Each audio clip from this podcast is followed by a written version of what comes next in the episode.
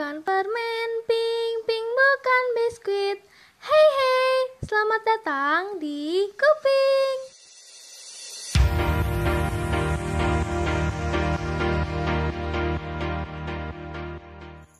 Hai hai hai, we are back. Ketemu lagi dengan aku dan Dewi di podcast Kuping episode 16 ini. Yeay!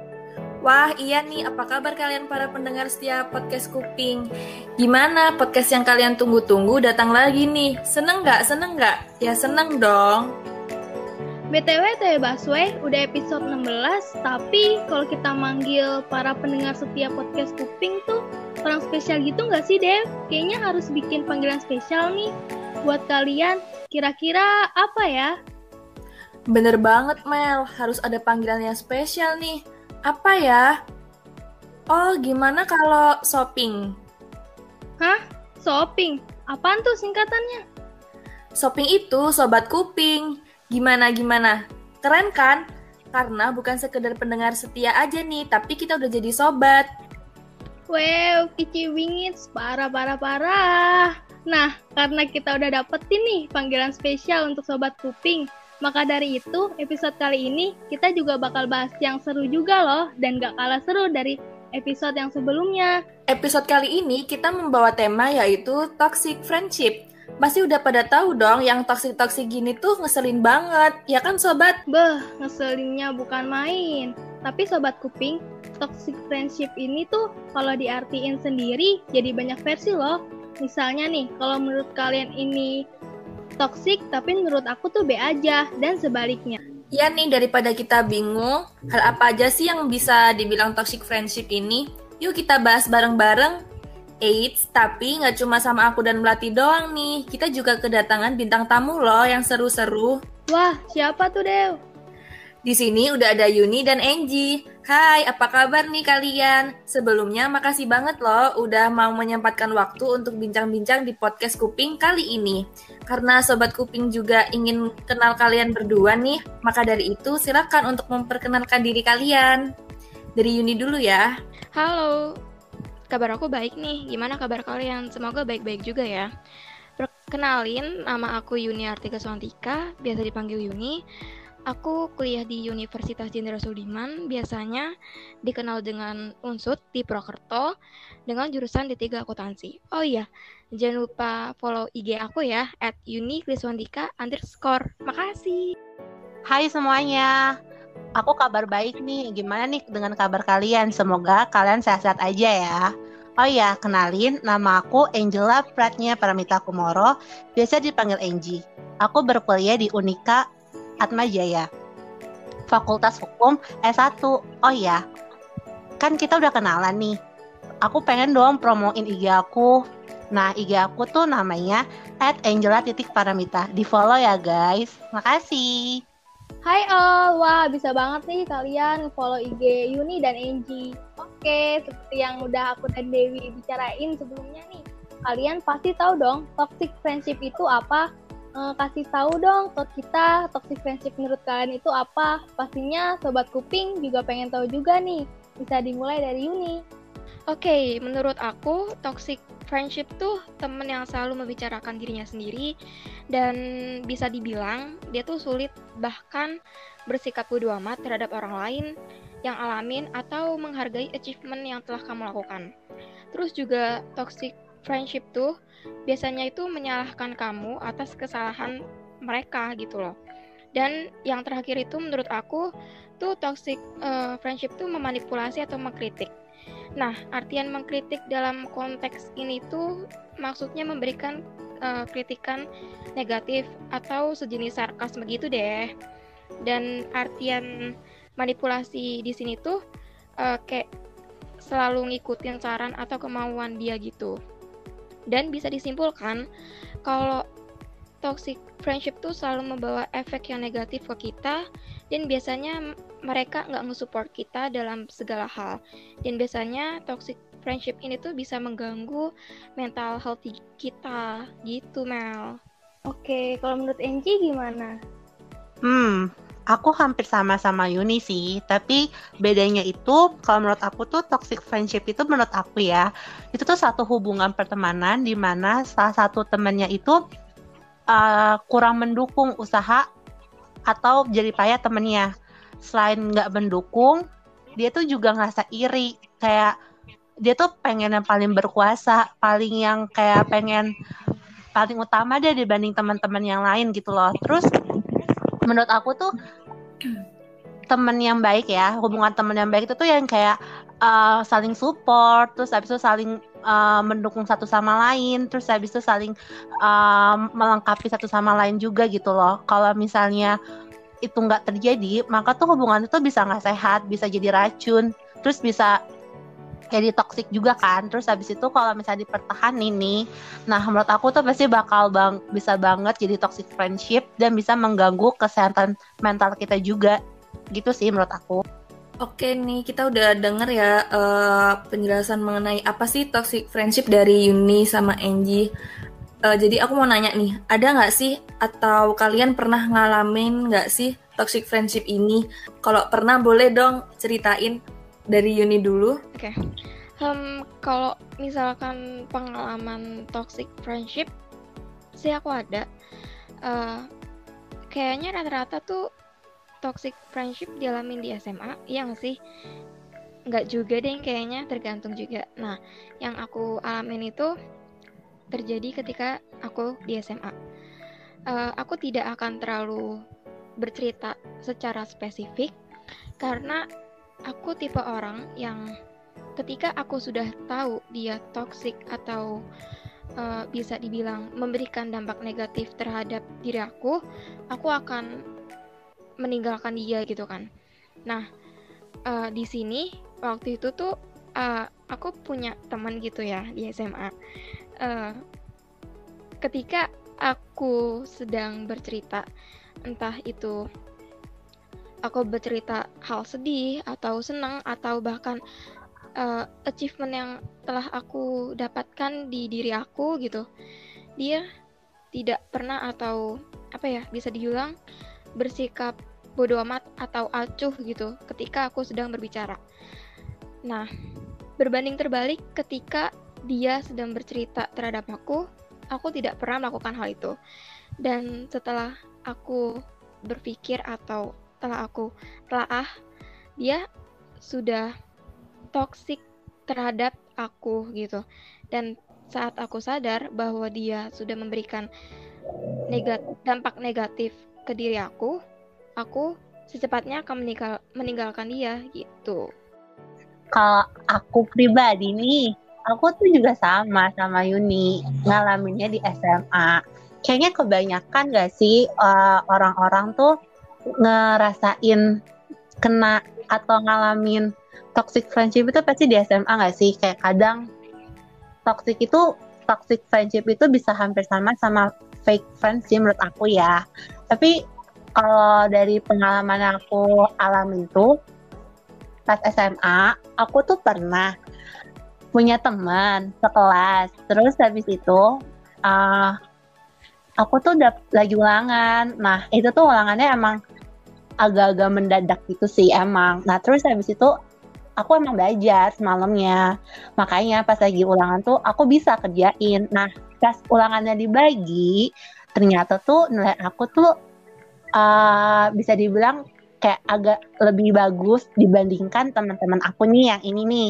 Nah, terus teman aku yang ini nih tuh uh, kayak gimana ya? Kayak agak aku nggak tahu hmm, penilaian aku aja apa gimana kayak mereka tuh agak iri sama aku karena dari raut raut mukanya mereka mereka tuh langsung kayak bete gitu loh ke aku. Terus aku di situ kayak sempet aku merasa bersalah. Di situ kayak ih kenapa ya? Kok nilai aku lebih bagus sih daripada mereka? Tapi kan itu hasil jerih payah aku ya gitu loh. Terus uh, karena itu karena itu aku ngerasa kayak kok mereka gitu sih sama aku? Kenapa setiap nilai kayak usaha deh usaha aku uh, membuahkan hasil yang bagus. Responnya mereka tuh yang kayak nggak bagus gitu loh yang kayak mereka eh, nggak uh, support aku. Mereka kayak um, agak iri sama aku gitu loh. Aku kayak bingung aja kayak kenapa sih mereka kayak gitu ya? Karena aku tuh tipe anak yang gampang banget uh, baik sama semua orang Nah, karena kebanyakan aku kayak gitu, itu tuh jadi tuh mereka tuh gampang banget manfaatin aku gitu loh. Banyak banget yang manfaatin aku. Terus aku sempat juga nggak sadar kalau ternyata mereka tuh tuh toxic sama aku gitu loh. Mereka yang kayak iri sama aku, mereka nggak support aku gitu loh. Di situ tuh aku ngerasa yang kayak, duh kenapa sih mereka kok gitu sih sama aku? Bahkan aku sempat pernah um, ngerasa di mana aku nggak mau sekolah gitu loh. Aku nggak semangat sekolah karena uh, mereka tuh iri sama aku. Maksudnya gimana ya? Kayak mereka tuh tuh kayak bikin aku jadi down gitu loh. Bikin mental aku tuh jadi nggak kuat. Aku yang kayak, aduh aku kayak nggak mau masuk sekolah deh aku nggak kuat nih tapi kayak itu nggak bagus gak sih gitu sih menurut aku kalau cerita pengalaman toxic aku ya toxic friendship menurut aku gitu loh pengalamannya Oke, rata-rata pengalamannya dari SMA semua ya. Mungkin karena kuliah masih online nih ya, tapi jangan sampai sih semoga. Kalau dari pengalamannya Yuni itu kayak kita cerita kebahagiaan tuh kita udah berekspektasi tinggi, mereka bakal ikut seneng juga ya nggak sih Yun? Tiba-tiba mereka cuma kayak misalnya bilang, ya Ella gitu doang, woi, ya Ella gitu doang tuh secara nggak langsung nyakitin perasaan gak sih Yun? Nah, bener banget nih yang dikata Mati. Sometimes um, orang bercerita atau sharing tentang uh, kejadian atau sesuatu yang telah dia alamin, pastinya kadang tuh orang cuma pengen didengar gitu loh nah dan apa ya dan waktu itu yang aku dapat adalah ketika um, aku sedang berbagi cerita tentang um, apa kesedihan lah bisa dibilang tentang sedih gitu. Dan lawan bicara yang aku lawan bicara aku tuh ngomong kayak ya lah gitu doang udah sedih. Kayak langsung gini tingkat kebahagiaan dan kesedihan orang tuh beda-beda.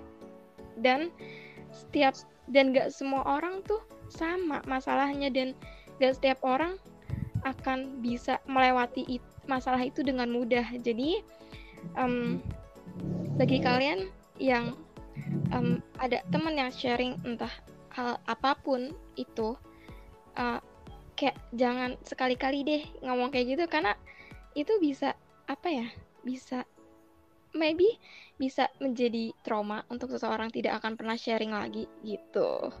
Iya emang sih kalau kayak gitu tuh langsung menusuk banget ya sih parah banget. Mungkin sobat kuping ada beberapa yang pernah ngalamin juga kejadiannya seperti Yuni ini. Mungkin kalau menurut Dewi gimana nih menurut tanggapan Dewi? Kalau menurut tanggapan aku dari ceritanya Angie tadi tuh uh, apa ya? Di sini dia kayak uh, dari pengalaman yang gitu kayak dia tuh berteman tuh bukan malah apa ya nge-support dia, bukan malah ngedukung dia, bukan malah kan kan bisa kita kalau apa ya kita tuh temenan tuh kan buat biar apa kalau misalnya kita ada apa-apa tuh ada yang dukung, ada yang support. Ini malah kayak bikin down gitu sih. Bener kayak gitu kan ya? Bener banget, ih sumpah ya. Gimana ya? Aku tuh uh, berpikir ya kayak gimana sih? Kan rata-rata nih ya rata-rata. Kan kalau misalnya hubungan temenan itu kan pasti harus saling dukung dong saling support. Tapi ini kayak nggak nggak support gitu loh. Jadi kayak kok begitu ya? Kalau misalnya posisinya dibalik nih aku yang kayak gitu mereka bakal gimana ya gitu loh. Aku kadang kayak ngerasa ih kok nggak adil ya? gitu loh. Kenapa sih harus aku yang ngalamin? gitu. Dan itu sakit banget sih. Dan tuh kayak bener-bener gak bener-bener bikin aku gak semangat gak semangat untuk jalanin aktivitas aku gitu loh. Itu sih menurut aku. Iya sih benar itu bukan sakit lagi sih. Itu jahat banget sih parah. Banget oh, banget. Iya. nah kan? Tapi kan uh, di samping pengalaman kalian nih ini dan Angie. Nah ada juga nih pengalaman dari sobat kuping nih. Uh, kata sobat kuping ini dia bilang di saat kita diajak jalan nih dan kitanya nggak bisa tapi mereka malah bilang di masa nggak ikut? Nggak asik sumpah menurut kalian gimana nih? Kalau aku sendiri yaitu hak dia gak sih? Kalau nggak bisa ikut lagian juga mungkin ada urusan lain yang kebetulan bertepatan barengan sama ajakannya temennya ini ya kan? Gimana kalau menurut ini?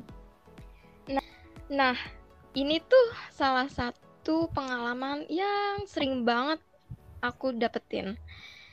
Uh, gini, gak semua orang mempunyai orang tua yang kayak ketika diajak pergi sama temennya diiakan gitu kan dan aku salah satu yang mempunyai strict parents yang di mana aku tidak bisa menyanggupi atau mengiakan ketika um, teman-teman aku ngajak jalan dan semuanya tuh aku nggak bisa mengiakan gitu aja gitu kan. Apalagi kalau misalkan uh, ngajakinnya itu mendadak kayak misalkan hamin dua jam atau berapa gitu kan.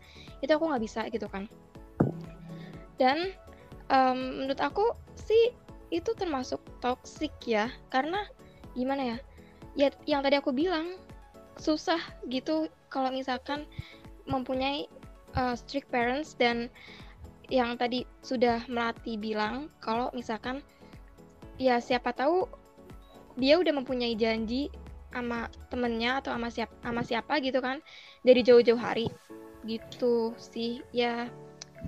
Pasti dibalik itu semua pasti dia mempunyai alasan gitu sih.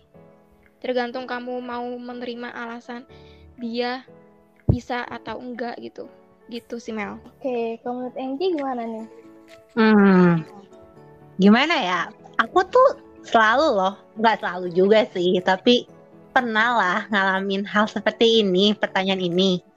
Aku tuh uh, juga sama kayak Yuni. Aku punya orang tua yang strict parents. Ditambah dulu tuh aku pas SMA dari kelas 10 sampai kelas 12 always setiap hari itu les. Gak ada hari di mana aku nggak les. Jadi kadang tuh temen aku ngajakin aku pergi gitu tuh suka mendadakan ya. Suka banget namanya mendadak. Jadi tuh aku kadang bilang yang kayak aduh maaf ya aku nggak bisa uh, aku ada les atau enggak kayak aduh maaf ya aku nggak bisa karena uh, bokap nyokap nggak izinin nih gitu kan tapi tuh kadang uh, mereka malah ngeresponnya yang kayak ya sama kayak gini kayak di kok nggak ikut sih nggak asik banget atau enggak yang paling parah nih yang aku ngalamin mereka pergi tanpa aku kayak mereka diam-diam aja gitu pergi tanpa aku dan mereka uh, bikin SG gitu loh, bikin story di mana kadang tuh mereka eh, kadang-kadang ya, kadang nggak nge-hide aku gitu loh. Tapi waktu pernah sih di hide dan aku nggak tahu dan aku tahu itu uh, karena mereka tuh keceplosan ngomong di kelas gitu loh. Terus aku yang kayak eh apa nih gitu loh. Kok aku nggak tahu apa-apa? Kok aku nggak diajak gitu loh. Menurut aku kayak bingung aja gitu loh kenapa sih kayak emang salah ya kalau orang yang susah diajak untuk main malah dijauhin gitu loh. Itu kan nggak baik ya maksudnya kayak bikin orang itu jadi nggak sangat nyaman terus jadi hubungan terjadi toxic juga gitu loh. Jadi yang kayak menurut aku please gak usah kayak gitu gitu loh maksudnya kayak hargain keputusan orang hargain uh, uh, orang kan punya kesibukan masing-masing kan masih kayak orang juga punya kayak batasan batasan-batasan tersendiri untuk main sama temen-temennya. Jadi menurut aku kalau misalnya temennya itu nggak bisa untuk diajak main, ya udah terima aja kan bisa punya lain hari gitu loh, bisa jalan di lain waktu gitu loh. Menurut aku sih gitu. Nah, oke okay, bener banget nih uh, uh, aku dengar dari tanggapan kalian kalau misalnya diajak kayak gitu kan uh, apa ya? Kan urusan kita itu nggak apa ya terus-menerus kayak harus sama mereka gitu kan pasti kan juga punya urusan lain punya kepentingan lain dan uh, hargai juga gitu keputusan kita. Kalau misalnya kita ada urusan yang lebih penting daripada buat jalan sama mereka ya udah gitu. Kayak mereka juga harus menghargai itu gitu. Nah aku mau ada pertanyaan lagi nih dari ini dari pengalaman sobat kuping lagi nih. Katanya dia dan temennya ini udah temenan deket lah istilahnya. Nah, tapi dianya ini jarang atau nggak suka cerita tentang masalah yang lagi dia hadapin ke temennya ini.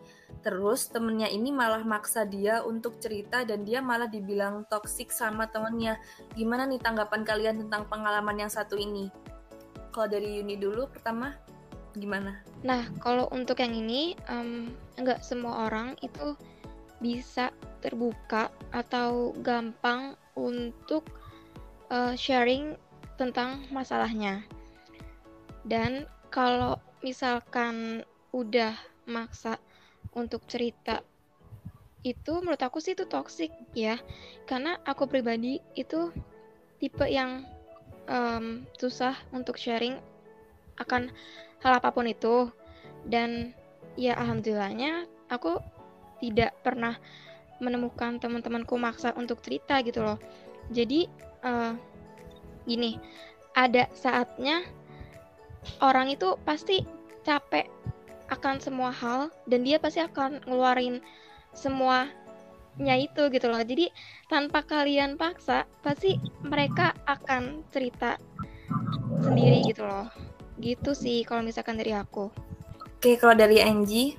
Itu menurut aku tuh hmm, orang tuh kan punya kepercayaan sama orang lain masing-masing ya gitu. Maksudnya kayak punya tingkat kepercayaan yang berbeda-beda sama orang lain.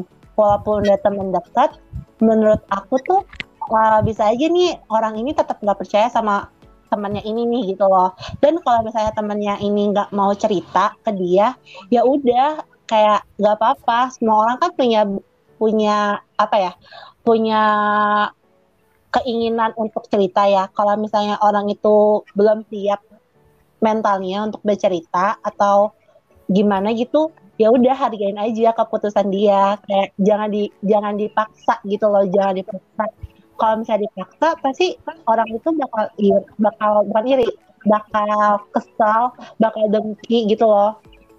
Bakal yang kayak ngerasa temennya itu kok agak toksik ya? Kok temennya ini kayak pengen banget sih tahu semua tentang dia gitu loh.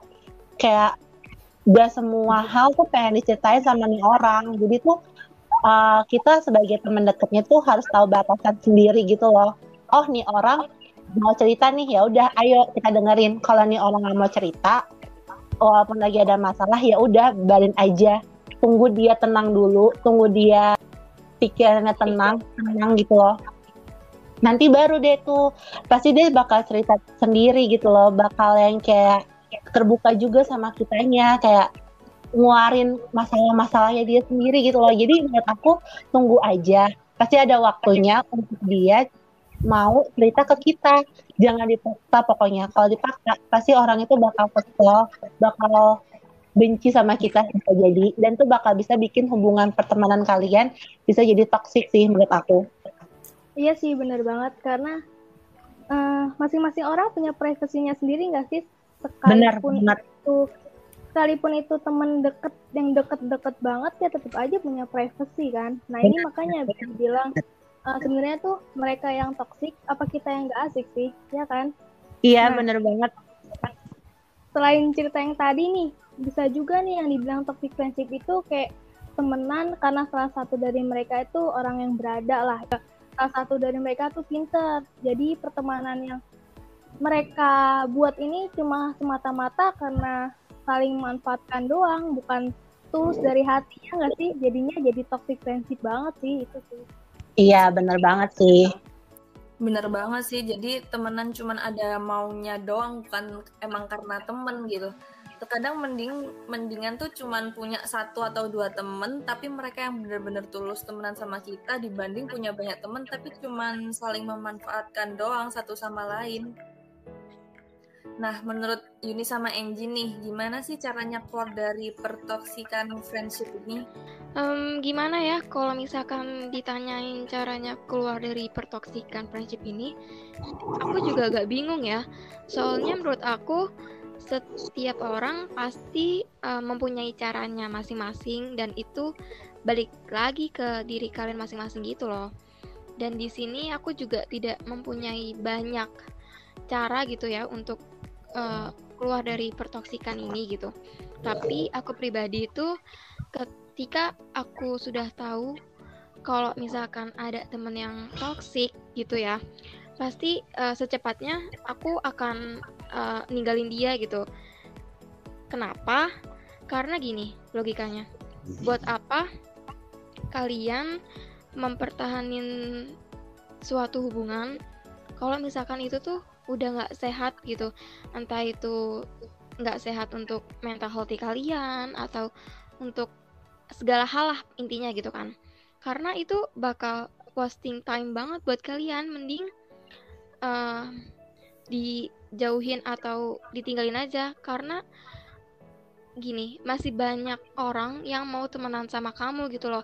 Kamu nggak akan rugi ketika kamu meninggalkan satu orang atau beberapa atau beberapa orang yang toksik gitu. Dan kamu um, jangan takut ketika kamu berpikir kalau misalkan kamu mau ninggalin teman pasti ada pikiran ya nanti aku temenan sama siapa atau kayak um, nanti aku nggak punya temen gitu kan. Yang kayak nggak usah mikir kayak gitu pasti kalau misalkan kamu baik dan kamu bisa um, dan kamu memiliki positive vibes terhadap lingkungan pertemanan kamu pasti kamu bakal ditemenin gitu loh. Kamu nggak akan rugi meninggalkan satu orang gitu. Masih banyak kok yang mau temenan sama kamu gitu hmm aku tahu untuk keluar dari lingkungan yang toksik itu emang sangat sangat sangat sangat susah. Tapi aku yakin kalian bisa kok untuk keluar dari lingkungan yang toksik nah gimana sih cara keluarnya? Saran aku kalian harus menemukan lingkungan yang baru. Nah, kalian udah menemukan lingkungan yang baru nih pasti kan kalian nemu teman baru. Nah aku yakin orang itu nggak bakal toxic lagi ke kamu gitu loh. Kalau misalnya kamu bener-bener nemuin lingkungan baru yang positif vibe yang benar-benar dukung kamu banget. Nah itu aku yakin banget kamu nggak bakal uh, ngerasain lagi yang namanya toxic friendship gitu loh. Nah aku mau uh, tambahin lagi kata-katanya Yunian tadi. Uh, kalau kalian kepikiran kayak nanti nanti nggak ada lagi nih yang mau temenan sama aku atau enggak yang kayak uh, nanti kayaknya orang itu bakal jauhin aku deh. Please kalian stop pikiran kayak gitu. Kalau misalnya kalian mikir kayak gitu itu bakal yang benar-benar bikin kalian susah untuk menemukan lingkungan yang baru gitu loh. Kalau kalian punya pemikiran yang positif nih yang punya pemikiran yang kayak mbak aku bisa nih kalau dari lingkungan yang toksik aku bisa uh, nemuin lingkungan baru itu aku jamin banget itu kamu bakal benar-benar menemukan lingkungan yang baru.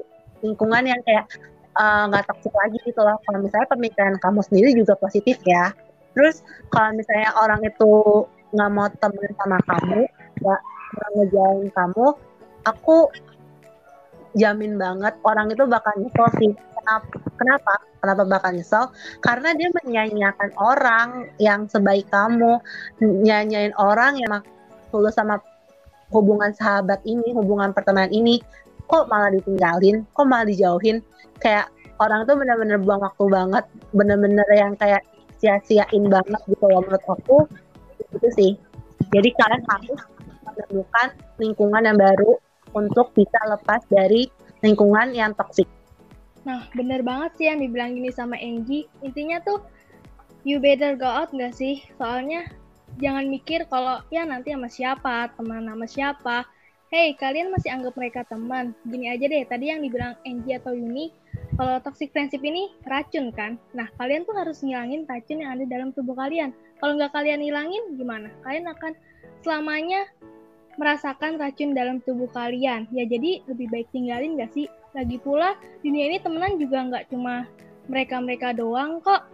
Dan juga terkadang nggak apa-apa sih kalau kita merasa sendirian, kalau itu yang buat kita lebih baik dan nyaman daripada punya banyak temen tapi toksik semua. Ya enggak? Ya bener banget sih? bener banget bener banget. Sumpah itu bener banget. Kayak enggak banget deh. Iya iya iya banget. Kayak mending jauh-jauhin pemikiran kayak gitu. Kalian pasti aku yakin banget kalian bisa menemukan lingkungan baru lingkungan yang benar-benar ngedukung kalian banget. Jauhin tuh yang namanya toxic. Itu karena bakal yeah. mempengaruhi mental kalian tuh racun banget sih menurut aku. Jauhin deh tuh racun, obatin dengan segera ya gak sih?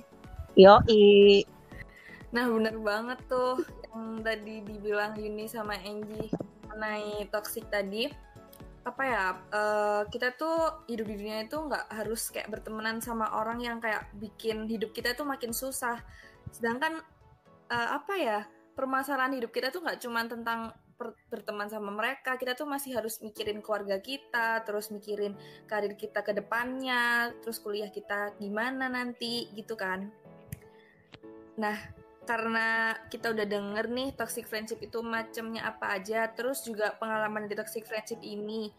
Kita juga udah denger kan apa yang harus kita lakuin supaya nggak kejebak di toxic friendship ini. Oleh karena itu, aku dan Melati ingin berterima kasih nih sama Yuni dan Angie yang udah mau cerita dan ngebahas tentang toxic friendship ini. Uh, semoga kalian dan sobat kuping yang mendengar ini tidak mengalami toxic friendship lagi ya. Terima kasih juga untuk Sobat Kuping yang sudah mendengarkan episode kali ini dari awal sampai akhir. Aku dan Melati pamit undur diri, sampai jumpa di podcast Kuping selanjutnya yang pasti temanya akan lebih menarik lagi dong. Bye semuanya. Bye, stay Bye, bye, bye. Thank you. Makasih semuanya. Thank you semuanya. Bye bye.